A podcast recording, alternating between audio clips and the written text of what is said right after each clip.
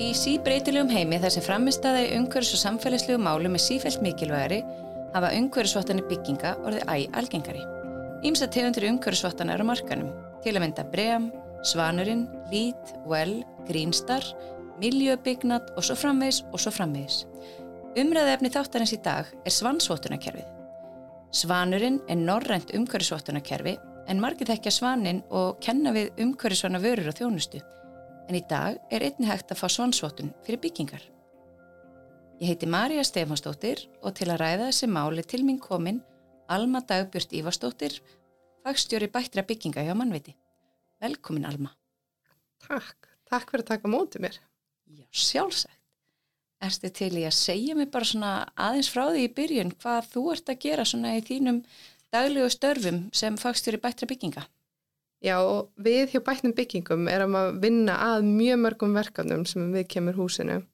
Við rannsökum mikið innivist og rakaskemdir.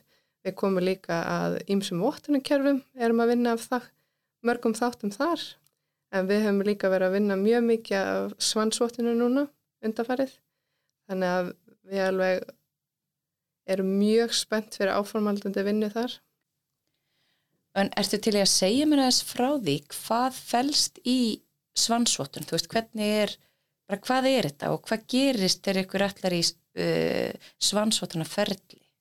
Sko eins og með alla vottununar þá náttúrulega er mikilvægt að þetta byrji bara á hönnunastíi og þar komum við líka inn og kannski meira við erum að koma inn og kannski fókusum í dag hvað var þar innivistina og það, þau mál, það sem er stór partur á svanunum en svanunum lítur heilstætt yfir fjóra þætti sem sagt það eru orkunýtni, efnakröfur, innivist og gæðakröfur. Þetta eru svona þeirra fjóri þættir og mér finnst svo frábært við svansvotuna að það þeir einblýna mjög mikið á innivistina.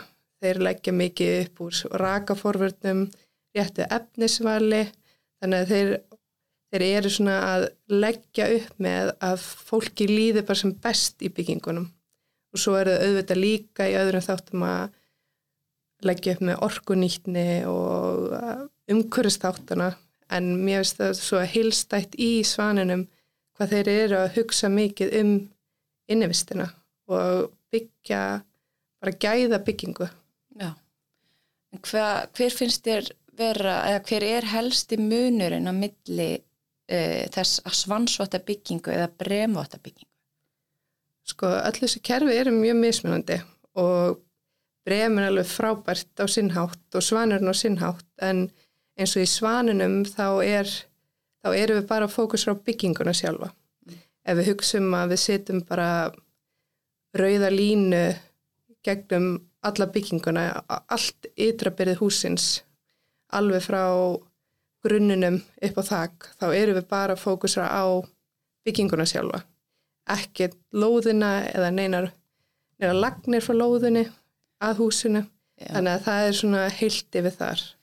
Og líka að svanur leggur mjög mikið upp úr rakavörnum og rakavarna eftirliti það er eitthvað sem er ekki mikið í brem.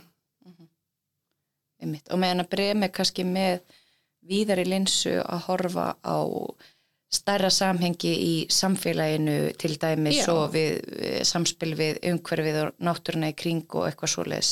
Já og koma öðru, aðri þætti líka inn í sem eru alveg frábærir frá brem mm -hmm. en svanurinn er líka með þessa svona fókusadriði mm -hmm. eins og við vorum búin að tala um áðan á ákveðna þætti sem að þeir leggja upp með. Mm -hmm. Og í brem þá er í rauninni, að ég þekki það betur en svanin, þá er maður í rauninni, það eru vissar skildukröfur en síðan hefur maður oft ansið mikið val Já. um hvaða uh, kröfur maður ætlar að uppfylla. Veist þannig að maður getur komist hjá ímsum kröfum eins og til dæmis, maður þarf ekki að gera rakavarnar áallun mm -hmm. uh, fyrir bara, uh, vissar engunir eða slíkt en hvernig er það í svaninum? Er sveianleikin eða er sveianleikin til staðar og er hann þá mikillega lítill eða Sko það er tölver sveigleiki, það er, eru skildukröfur og svo eru valkvæðakröfur líka eins og í brem.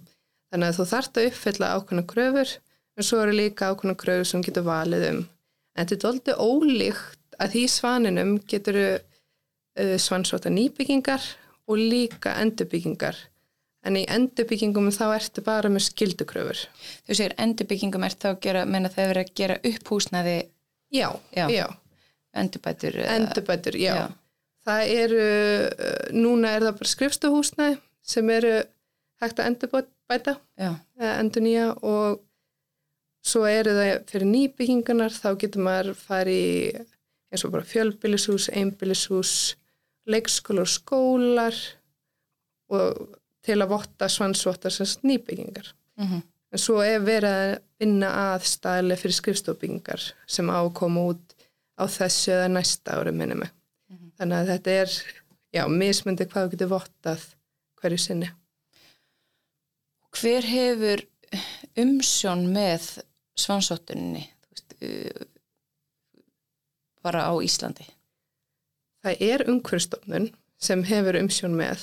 Þeir eru svona sjá um utanumhaldið og sjá um að gefa vottununa og þannig og svara öllum spurningum og svona. En svo eru það líka ráðgjafar eins og meðal annars við sem erum ráðgjafar í verkefnum og vinnum að verkefnunum í samstarfi með umhverfstofnun en það er umhverfstofnun sem gefur svo út svansvottuna í lokin þegar búið að fara yfir öll gögn.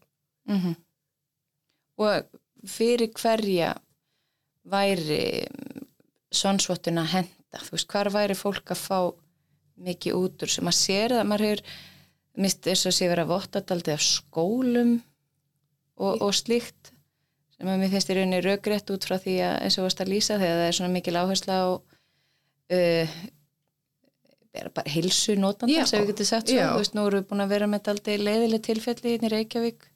Þeir hafa uppkomið miklur í skólum og eitthvað svona og þá uh, finnst manni meika sens að það sé verið að svansvotta skólabyggingar og slíkt?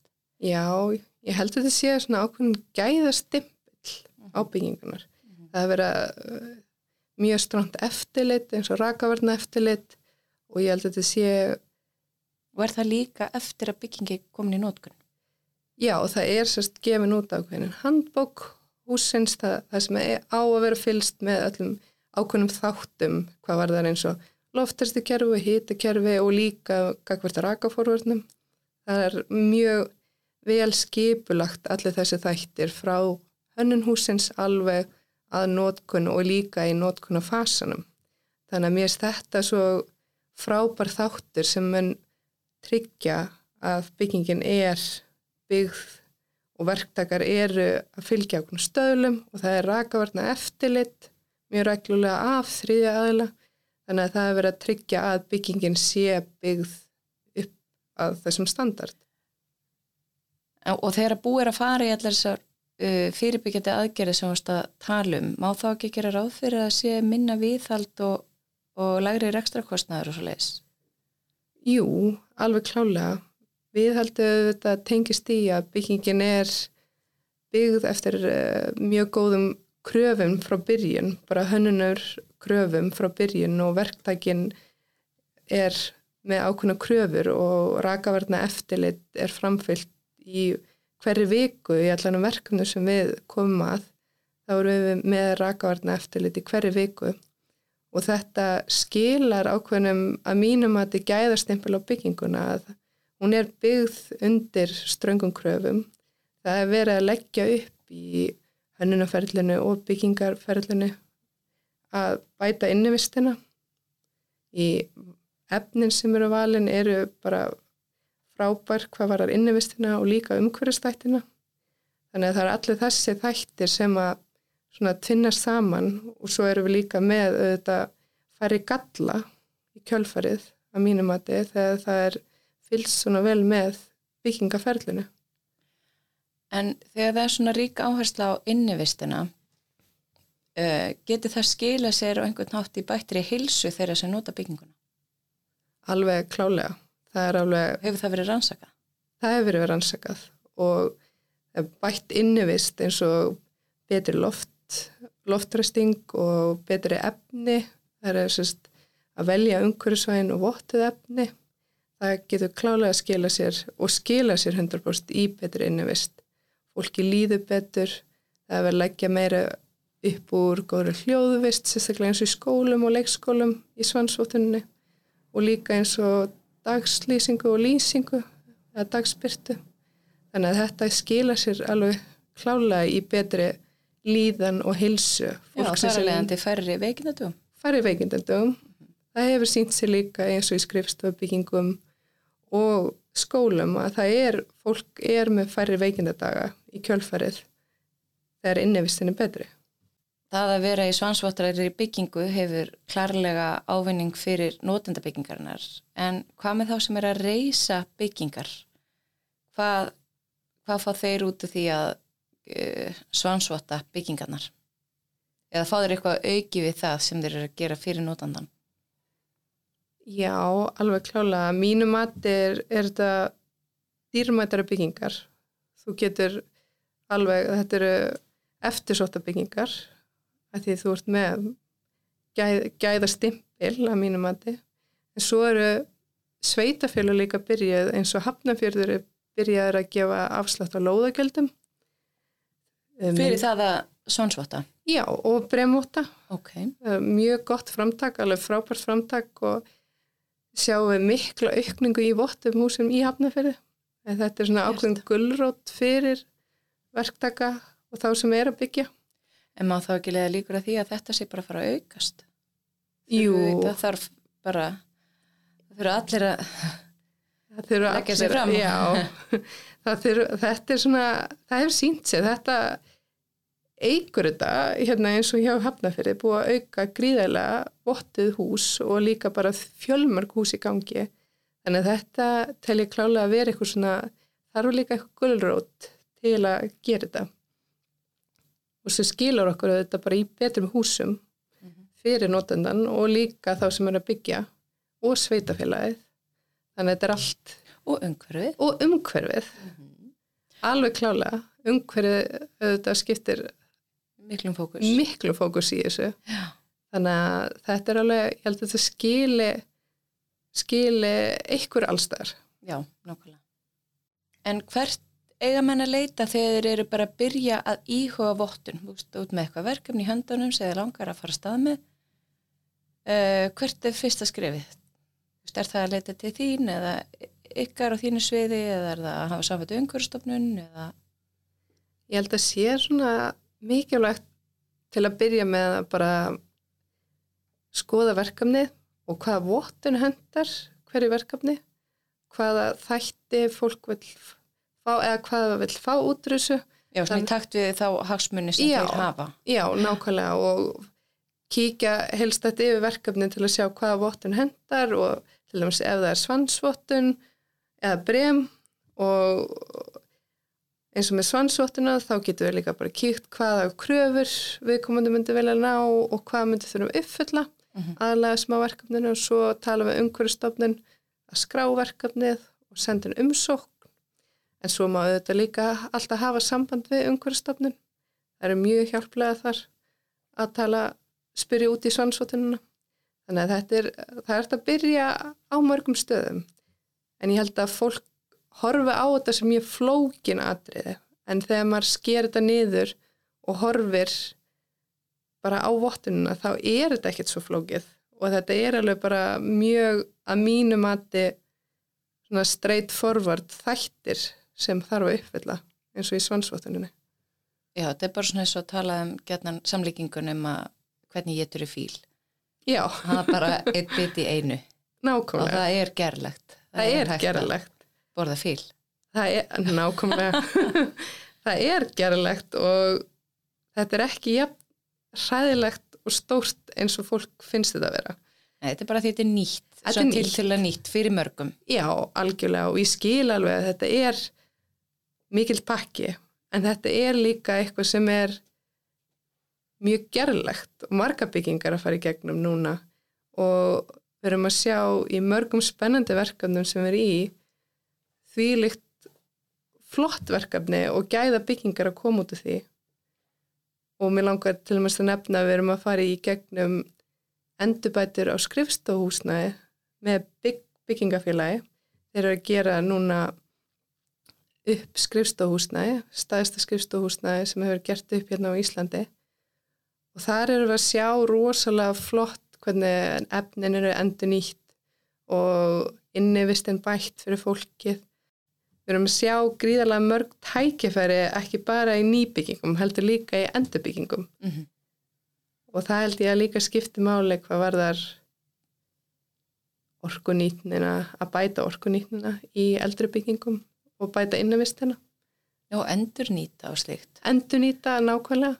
Þannig að ma margar af þessum aðgjörum eru bara alltaf að spara peninga þó svo það kosti peninga. Já, já. Í stóra sammengina ert að fá að mínum að þetta er betri byggingu. Mm -hmm. Gæða stempil á bygginguna mm -hmm. og líka fyrir fólkið sem er í byggingunni sjálfur. En því vorum líka tala um hérna, reynslileysi og hvað þetta er nýtt fyrir mörgum. Er þetta ekki samt farið að ganga svona hraðar og betur núna heldur en segjum bara fyrir fjórum árum eða eitthvað út af því hvað er búið að byggjast upp mikil reynsla á þessum tíma? Jú, alveg klálega. Það er búið að fara í gegnum mörgverkefni og líka sjá hvað hefnda fyrir Ísland mm -hmm. og hvað hefndar öðrum löndum, þannig að það er búið aðlað það mjög vel og líka bara þetta er farið að ganga mjög smúð mm -hmm. að mínum andi og ákveðin verkferðlar komnir í gang hvernig á að byrja verkefni og hvernig á að standa að verkefnum bara í gegnum allan ferilinn frá hönnunaferli að affendingu og líka bara þegar fólk tekur við húsinu. En hver er svona þín tilfinning fyrir því Alma? Hvernig þessi mál er að fara að þróast á næstu árum með umhverfisvottaninnar? Ég held að það sé mjög spennandi tími framöndan eins og ef við lítum með síðustu tvö árin hversu mikið hefur gerst á bara síðustu tveim árum. Bara ríkistjórnin, sveitafélag hvað allt hefur þróast hratt. Við finnum að eftirspurnin er gríðarlega mikil og ég held að það er bara eftir að aukast. Það er líka ákveðin kynslu að skipti á fólki sem er að kaupa hús og líka bara þeir sem er að starfa í skrifstuhúsnaðum. Og, og hvernig það? Það er bara fólk gerir mér kröfur.